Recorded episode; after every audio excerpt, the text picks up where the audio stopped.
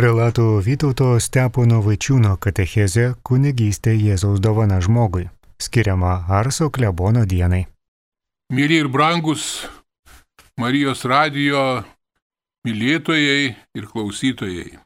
Šios dienos katechezėje norėčiau pakalbėti tokią brangę temą apie kunigystę, kuri yra Jėzaus širdies kaip tik meilės vaisius. Šiandien bažnyčioje yra minimas šventasis Jonas Marija Venei, gimęs 1786, miręs 1859 metais. Daugiau kaip 40 metų nuostabiai administravo pavestą Arso parapiją, kuri yra Prancūzijoje labai mažytė.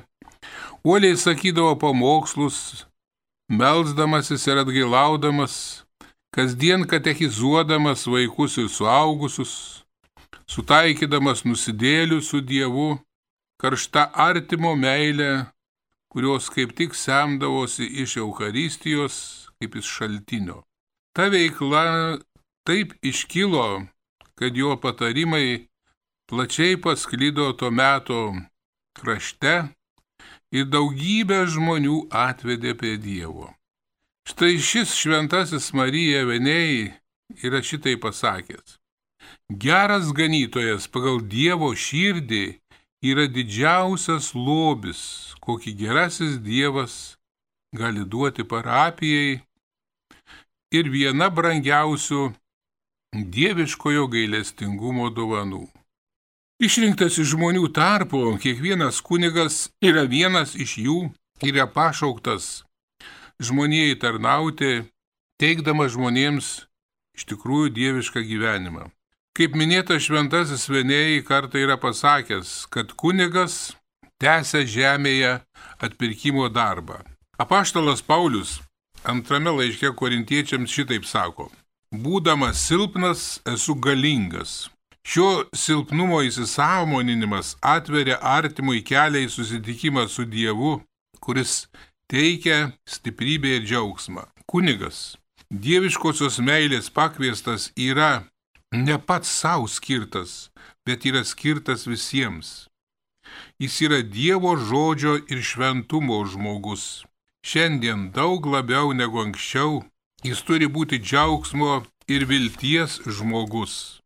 Žmonės, kurie nepaėgia suvokti Dievo kaip grinos meilės, Kunigas visada turės tvirtinti, kad gyventi verta ir kad Kristus gyvenimui suteikia prasme, nes jis myli žmonės, visus žmonės. Kunigas yra ateities žmogus. Jis tampa žmonėms priemonė žmonijos galutiniam tikslui pasiekti. Vėl cituoju kunigą Veniai. Kunigas kaip apaštalai turi patirti tą džiaugsmą, matydamas viešpatį, kurį laiko savo rankose. Ir vėl vieniai žodžiai, niekas niekada nepakeis kunigo tarnystės bažnyčioje. Kunigas paties Kristaus pašauktas ir išrinktas, kad jo dėka jis būtų žemės druska ir pasaulio šviesa. Štai vienas labai gražus epizodas Šventojo Jono Veniai gyvenimo. Jis atvyko į Arsą, vykdydamas Dievo valią, aišku, vyskupo paskirimu. Ir štai per rūką nerasdamas kelio į Arsą, Veniai kreipėsi į avis ganiusi berniuką. Tas mažylis parodė jam kelią. Tada būsimasis šventasis klebonas pasakė, vaikeli, tu man parodėjai kelią į Arsą, o aš tau parodysiu kelią į Dievą. Štai Kristus po prisikėlimo iš numirusio paštalams labai prasmingai pasakė, kaip mane siuntė tėvas, taip ir aš jūs siunčiu. Šis uždavinys gautas iš paties Kristaus yra nuolatinis bažnyčios misijos pagrindas, visos kunigystės pagrindas. Kristus laiduoja, kad kunigo sakramentiniai veiksmai yra jo veiksmai. Tačiau kunigui kaip žmogui Kristus neužtikrina, kad būsi visą gyvenimą panašus į Kristų, kad šventimai išlaisvės iš silpnybių, trūkumų ir nuodėmių. Kunigas turi puikiai suprasti ir akivaizdžiai įsitikinti, jog šį lobį, kaip sako paštalas šventasis Paulius, nešiojamės moliniuose induose, aišku, kuriuos greit galima sudaužyti. Todėl kunigas turi nuolat gyventi ypatingoje Jėzaus širdies meilės globoje, ypač svarbi pašvenčiamui Dievo malonė ir kasdieninis asmeninis bendradarbiavimas su Kristumi. Todėl, brangieji, kad suprastume šį pašaukimą, turime prisiminti paskutinį Jėzaus su mokiniais praleistą vakarą. Jėzus karštai troško būti su mokiniais tą valandą, nes jis juos mylėjo nuo pirmojo susitikimo akimirkos, netgi nuo amžinybės. Šį vakarą mokiniams jis išliejo savo meilę besaiko. Vos spėjus susėsti prie stalo, jis pakyla ir ima mazgoti mokiniams kojas. Jėzus tarnauja. Dangiškasis tėvas jam patikėjo suvienyti visus jo vaikus. Kojų mokiniams plovimu Jėzus nori paaiškinti, kaip jis vykdo šią didžiąją tėvo misiją. O kadangi vienybė, kurią jis nori sukurti, gimsta iš meilės vienų kitiems, Jėzus ją įgyvendina mylėdamas pirmas ir mus mokydamas, kas yra meilė ir kaip gyventi meilę. Šio veiksmo jis atsistoja dar žemiau už kitus žmonės, nes nori kiekvienam tarnauti. Ta vakarą Jėzus patikėjo savo mokiniams ypatingą misiją - būti kunigais kaip jis ir būti kunigais jame. Jis parodė giliausią savo kunigystės prasme - tarnauti žmonijai, atiduodant net savo gyvybę. Todėl žvelgdami į Jėzaus tą paskutinės vakarienės veiksmą, galima suprasti, kas yra sielovadinė meilė. Tai turinti apibūdinti iš tikrųjų patį kunigą. Štai mūsų popiežius šventasis Jonas Paulius II savo laiške apie kunigų ūkdymą tame gražiame dokumente išleista pastorės dabo vobis, duosiu jums kunigus, štai taip prašo. Sielovadinė meilė pirmiausia yra savęs atidavimas bažnyčiai, sekant Jėzumi Kristumi ir dalyvaujant Jėzaus Kristaus atsidavime. Sielovadinis meilės dėka kunigas gali tarnybą paversti apsisprendimų meiliai, šitaip bažnyčia ir sielas padarydamas pagrindinių savo interesų objektų. Koks gražus gyvenimas visiškai, kada galime atiduoti save žmonėms. Kunigas jam patikėjo bažnyčios dalelę, Jis yra pašauktas būti šalia kiekvieno, kiekvieną konkrečiai mylėti, kad visus atvestų pas Dievą. Todėl kunigas turi stengtis pažinti visus kaip ganytojas, atpažįsta kiekvieną savo avį, o avis pažįsta savo ganytoją. Kunigas turi rūpintis įvairiausiomis grupėmis, asociacijomis, judėjimas, juos palaikyti, skatinti, kad bažnyčia vis gražėtų savo charizmų įvairovę. Jėzus kunigus sutapatina su kiekvienu kunigu ir jį padaro kitu savimi. Kunigas yra Kristus. Todėl jis kasdien gali kartoti Kristaus save atiduodančio suvalgyti, kad kiekvienas galėtų tapti kitų Kristumi, šitą padaro didžiulį veiksmą. Čia atsiskleidžia visa kunigiškos tarnystės didybė. būti Kristaus pašauktiems jo bendrystės gretas. Jis jiems patikė krikštyti, atleisti nuodėmės, švesti ir dalyti Euharistiją.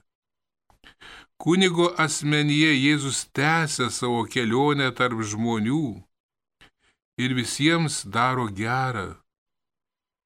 Kunigas sako, aš tave krikštiju, aš tave išrišu, tai yra mano kūnas ir kraujas. Nesako, Kristus tave krikštyje, tave išriša, tau duoda savo kūną ir kraują. Kristus kunigas sutapatino su savimi ir kai kunigas atlieka veiksmus, dovanojančius gyvenimą, per jį veikia pats Kristus. Jėzus kunigams duoda ir savo žodį. Pats Jėzus yra žodis, Dievo žodis tapęs žmogumi. Jis kalbėdamas ne vien taria žodžius, bet ir perdoda savo vidinę tikrovę, perteikia savo buvimą žodžiu, savo buvimą Dievu. Jis pateikė kunigams šį gyvenimą teikiantį žodį, patikė vėl save kaip ir Euharistijoje. Jiems, kurie priėmė žodį ir juo gyveno, jis sakė, Eikite į visą pasaulį ir skelbkite Evangeliją visai kūrinyjei. Tai dar vienas kunigo pašaukimo aspektas - saugoti ir gyventi Evangeliją. Ja dalyti, jie maitinti jam patikėtą kaimenę. Štai kodėl kunigo rankose didžiulės vertės talentas jis jį privalo leisti į apyvartą, kad neštų vaisių. Tai Jėzaus žodis gyvoji Evangelija. Presbiteris arba vyresnysis, taip Naujajame testamente dažnai vadinamas kunigas. Kristus į kunigo rankas atidavė visą save, patikėjo savo žodį, savo kūną, savo kraują kunigas atsiranda žmonijoje, jis neša bažnyčios lobį ir juo maitina visą žmoniją. Tai pašaukimas, kurį privalu išgyventi, tai bažnytinis, o ne kažkokio atsiskyrėlio pašaukimas. Vyskupas ir kunigai yra susijęti tarpusavyje savo meilės ryšiais ir sudaro vieną gražią kunigų bendryją. Kunigas gali būti kunigu tik tuo met, jei gyvena Kristumi, visiškai susivienyje su jo gyvenimu, su jo meile ir iš šios vienybės dėka tampa visų tarnu, klusniu, neturtingu skaiščiu. Kai kunigas sako aš, privalo susivienyti su Kristaus aš, nes pats Kristus nori jame ištarti aš. Kunigiškoji tarnystė nėra vien tik tam tikrų pareigų, kaip kas masto ar funkcijų atlikimas. Kunigystė tai nėra profesija. Šis pašaukimas negali būti grindžiamas tik įvairių įsipareigojimų paskirstimų bendruomenėje. Jo pagrindas pateikta pasiuntinybė mokyti gaunama iš Jėzaus Kristaus per kunigystės sakramentą. Nerasime žodžių tinkamesnių kunigiškajam pašaukimui apibūdinti nei švento Pauliaus žodžiai. Aš gyvenu, tačiau nebe aš, o manyje gyvena Kristus. Kunigiškos tarpusavio meilės ir sakramentinio viso gyvenimo veiksmai kaip tik yra liūdėjimas tiek, kiek kunigo gyvenimas derinasi su jais. Kuo gilesnis kunigo vidinis gyvenimas, tuo labiau jis išgyvena krikšto malonę, tuo labiau jame švitės Kristaus kunigas. Tai mums atskleidžia kunigiško pasirinkto gyvenimo celibate gyvenimas, kreipiančio gyventi Evangeliją, patarimų dvasia, neturto dvasia bei klusnumo. Niekas kitas negyvens kunigė, tik tai Jėzus Kristus. Štai kodėl kunigas turi visiškai atsiduoti pačiam Kristui. Todėl kai kas labai keistai įsivaizduoja, kad kunigas gyvenime nieko nedirba arba dirba neaišku, ką jis ten dirba. Aišku, suprantama, brangiai gyvename tokiais laikais, kai kunigystė yra kartais nuvertinama iki nulio. Net jo principiniai, netmetančiam pasauliui, jis yra svetimas ir dažnai nesuprantamas. Visuomeniniam gyvenime parodai tam tikrai kunigas lyg ir reikalingas o kai kuriuose situacijose kunigas žmonių gyvenimą sutrikdo. Šiandieniniam žmogui kunigas yra toks pats, tik skirtingos profesijos žmogus arba kitoks svetimas. Net ir tada, kai kunigas nusima liturginius drabužius, jis išlieka kitoks Tas išskirimas iš visuomenės gali būti keistas dėl kai kurių asmeninių savitumų, bet rimtai mastant, tas kitoniškumas ir glūdi paties kunigo viduje. Čia užkliūnantis kitiems dalykai - kunigo celibatas, kunigo malda, laiko įprasminimas, ar tuščiai kai kurie masto jo eikvojimas. Todėl geras kunigas savo visos būties centre turi kažką, kas kitiems galbūt ir sunkiai suprantama. Juk šiandien Dievas toks svetimas pasauliui. Dažnai bandoma be jo apseiti, o dažnai jis ir visiškai pasidaro nereikalingas. Dievas ir jo pasaulis, matome, koks pilnas paslapčių. Kiekvieną dieną jos žmogų vis labiau baugina ir stengiasi žmonės kažkokiu būdu atitolinti, atmesti. Lygos, pandemijos, visokios nelaimės, neaiški politinė padėtis, neaiški civilizacijos baigtis. Štai kodėl dvasinis visatos pagrindas taip pat pasidaro nesuprantamas. Nors liberalus pasaulis daugumoje ir pripažįsta religiją, tačiau tai skaito privačių dalykų. Viską šiandien bandoma įsiaiškinti psichologiškai, genetiškai ir panašiai. Todėl absoliuto savoka ir dvasinis pasaulis šiandieniniam žmogui pasidaro tarsi ir pavojingas. Juk taip žmogus visur trokšta pats savo valdžios. Štai kodėl ir kunigas pasidaro jam pavojingas. Jis atsitoja žmogui tarsi skersai kelio prie žmogaus silpnybės. Žmogus nebesugeba suvokti dorybės esmės, įdų pavojaus ir moralinių normų. Todėl kunigo širdyje susitvenkė daug kamuojančių paslapčių. Pirmiausia, jo paties vidiniai išgyvenimai, sopuliai, kartais ir skaudi neviltis, pačios skaudžiausios kartais ir artimiausių draugų išdavystės.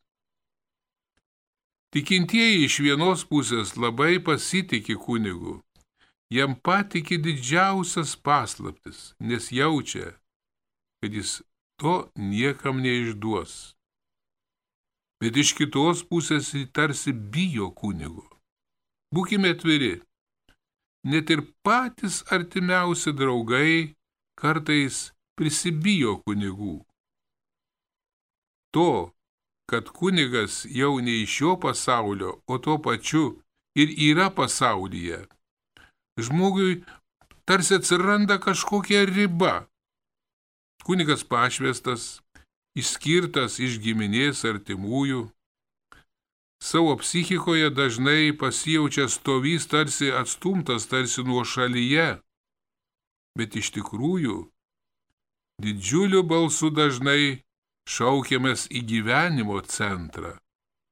Jis aukščiausias, o kartu ir žemiausias, jis inteligentas, ir mokas būti kartu su pačiais vargstančiaisiais. Jis bendrauja su sveikais ir sunkiais ligoniais.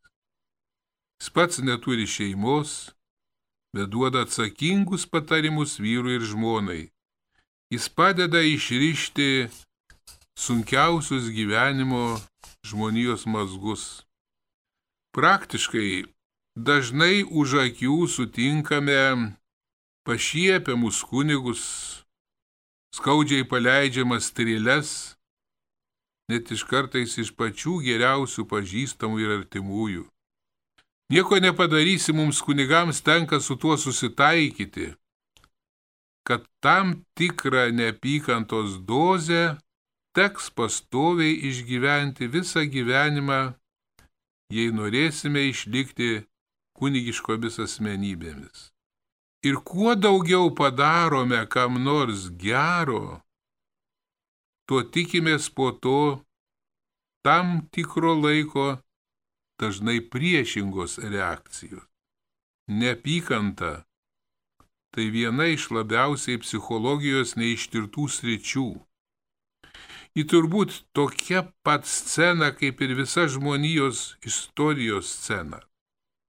Dažnai jį būna nesamoninga, bet dėja juk taip yra. Žmogus nori visuomenėje išlikti su savo aš, kad jis tik tai būtų pripažįstamas. Sverdami gyvenimo vertybės, vertindami kitus, lyguistai pasinėrė darbuose, žmogus kažko nerimsta. Amžino nerimo klausimą jie tarsi pastumia kunigui bet žmonės juk pasilgsta žemiško rojaus, harmonijos, idealios valstybės, idealių vadovų. Tai gilus šauksmas žmogaus vidinio saugumo. Dar viena savybė, kodėl nusistatoma prieš kunigą, kad žmogus atmeta dvasę, dvasinį pasaulį. Tai dvasinė vadinama antipatija. Ir jį šiandieniniam žmogui dažnai pasidarė labai gavi, nors iš kitos pusės būrėsi charizmatiniai rateliai, žmonės tampa dvasiniais sirgaliais. Jie su nostalgija būrėsi įvairiausias bendruomenės, kurios primena pirmųjų krikščionių gyvenimą su idealizuotomis kunigų asmenybėmis. Ir kiek tokių, kurie ieškodami tiesos kabutėse pateko į erezijas. Ir ne dėl to, kad jie būtų silpni, bet jiems pritrūko tikrosios meilės, tikrosios katalikų bažnyčios sampratos. Tad dvasia turi nuolat gelbėti ir kūną, kad jis nenuslystų, ir jį turi šildyti, gaivinti šventosios dvasios ugnimi. Todėl ir kūnas turi ekleziologinius matmenis. Tai žmonėms matomi sakramentiniai ženklai, pilnas žmogiškumas tiek kūno ir sielos vienovėje. Todėl negalime vadinti trūkumu, kas yra visuma. Tad idealizavimas vienos ar kitos pusės būtų nepilnas žmogaus, žinoma ir kunigo supratimas. Žmogus turi laisvę jis gali pasakyti, ką man padės, pavyzdžiui, tas sekmadienio šventų mišių lankymas, kam man tie atlaidai, kam man gaišinti laiką, kam tie škapleriai, vairios devocionalijos, giesmės ir panašus ir panašus dalykai. Aišku, šiais žodžiais galima net ir labai skaudžiai piktnaudžiauti. Dar viena priešingybė kunigystėje - tai kartais antipatija kunigo darbui. Kunigo veikla nepripažįstama darbu. Arga kaip man teko išgirsti iš vieno Vytauto didžiojo universiteto profesoriaus lūpų, kad jūsų darbas ir nėra pilnavertis. Tad natūraliai iškyla klausimas, ar mes nelegalai? Ar kunigystės dėka pasiekti laimėjimai ir moksle, mene, muzikoje ir kitur nėra kūryba? Žinoma, atsiranda visuomenėje burbančių, kad kunigas galėtų duoną užsidirbti ir kitame darbe, o kunigystė būtų tik po darbo jų atliekama labdara. Ši socialinė neapykanta sukuria bedugnę tarp nuoširdžiai dirbančių kunigų ir nedirbančių, arba tokių kunigų, kurie pro pirštų žiūri į kunigo tarnystę. Tai yra skaudus bažnyčios sopuliai.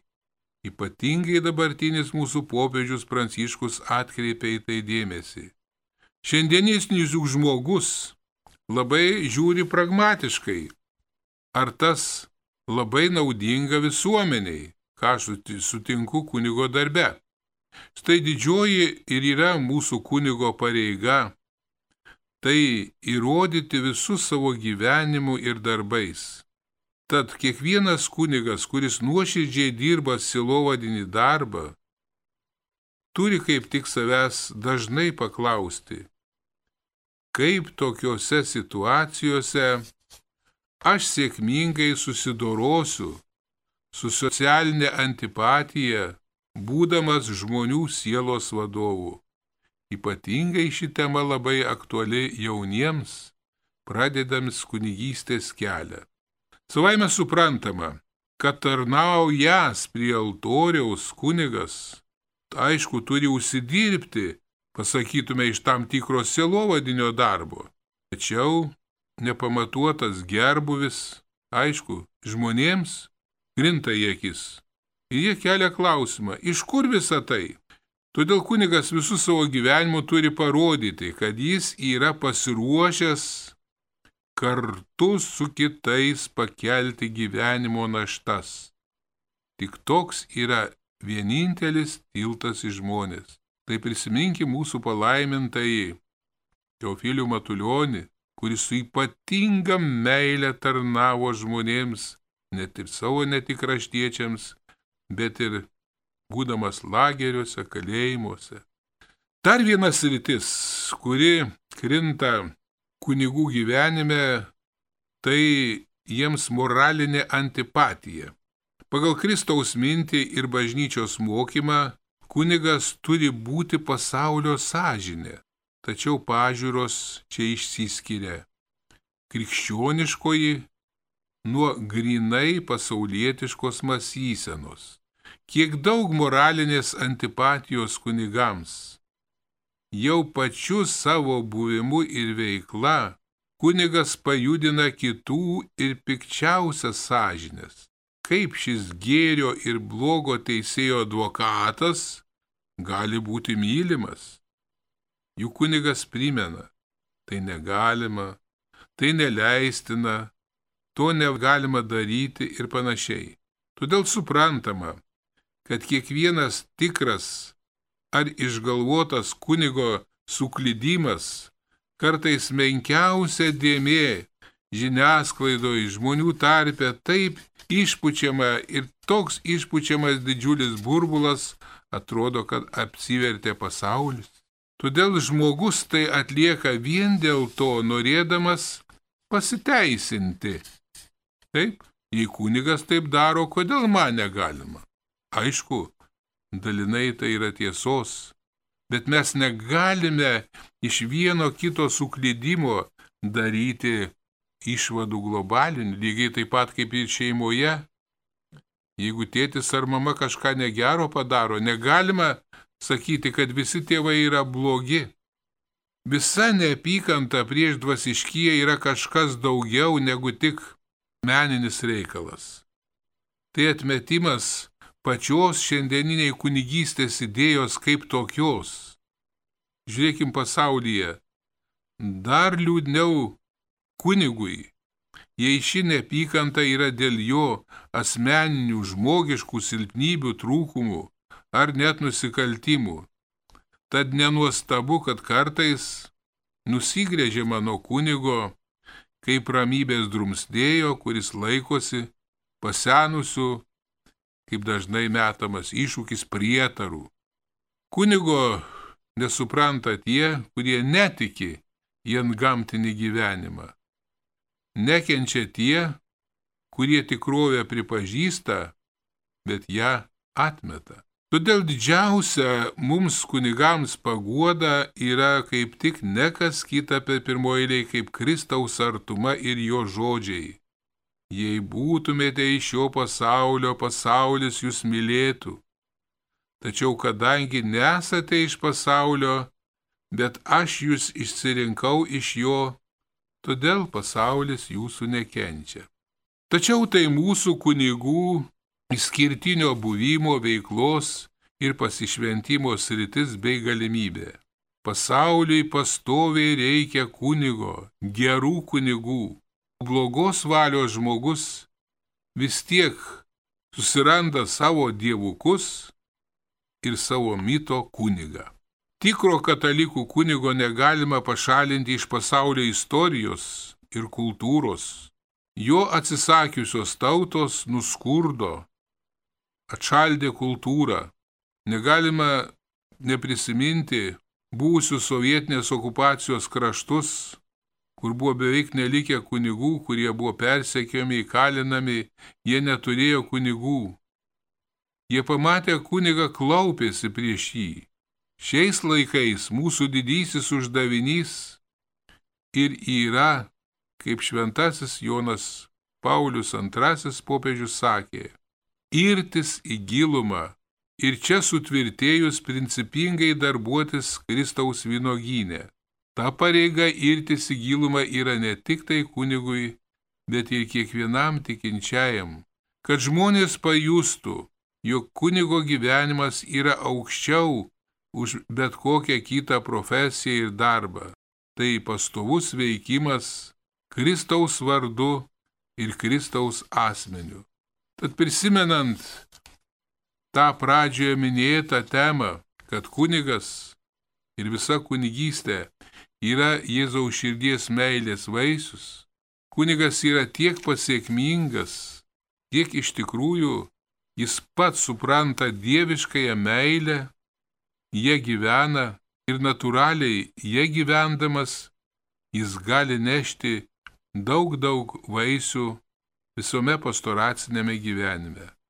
Todėl melskime, kad šios dienos šventasis Jonas Marija Veniai kuris iš tikrųjų buvo, pasakytume, tobulas kunigo idealas, o tokių kaip jis mes galime ir savo tautiečių tarpę rasti, kurie su meilė, su nuoširdumu tarnavo žmonėms ir šiandien tarnauja. Iš vieno suklydusio kažkokio niekad nedarykime išvadų, nes kaip vienas Labai prasmingai prisimenu dar savo seminarijos laikus mūsų profesorius pasakė, neduok Dieve, kad ateitų tokia valanda, kada prie Baltijos krantų kas nors pasakytų, kad čia buvo katalikiška Lietuva, kad čia klestėjo tikėjimas, buvo kunigai. Melskime pjūties viešpati, kad atsiųstų daugiau darbininkų į savo pjūtį. Ačiū, brangieji, pamastykime ir melskimės už būsimus kunigus, už esamus ir už pašaukimus į kunigystę. Girdėjote prelato Vytauto Stepono Vaičiūno katechezę kunigystė Jėzaus dovana žmogui. skiriama Arso klebono dienai.